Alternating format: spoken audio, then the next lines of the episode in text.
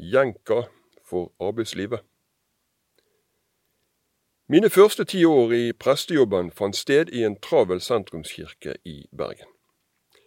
Gjennom alle de årene trengte jeg ikke bekymre meg når jeg våknet om morgenen for hva jeg skulle finne på den dagen. Jeg ble fort fanget i tusen gjøremål og i folks forventninger til meg. Avtaleboken ble fylt opp, og oppgavene sto i kø. Når barn skulle døpes, nervøse brudepar skulle øve og få roet ned sommerfuglene sine, det var en begravelse eller tre, og så kom konfirmanttimer, samtaler, menighetsråd, den ukentlige krangel med sognepresten, for ikke å snakke om høymesse på søndag. Alle disse faste gjøremål holdt meg fanget og styrte dagene mine uke etter uke. Så ble jeg gateprest, og det aller meste av faste gjøremål forsvant. Jeg skulle nå bare være gateprest bare være til stede, og ikke være styrt av alle pålagte og lovpålagte oppgaver. Være prest på måter og steder der kirken kanskje ikke alltid var til stede.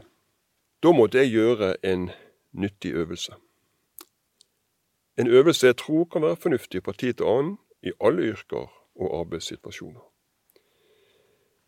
Jeg måtte rett og slett se meg tilbake, spole gjennom mine ti år i menigheten der jeg kom fra leite bak alle gjøremålene og stille meg selv spørsmålet hva er kjernen i det jeg holder på med?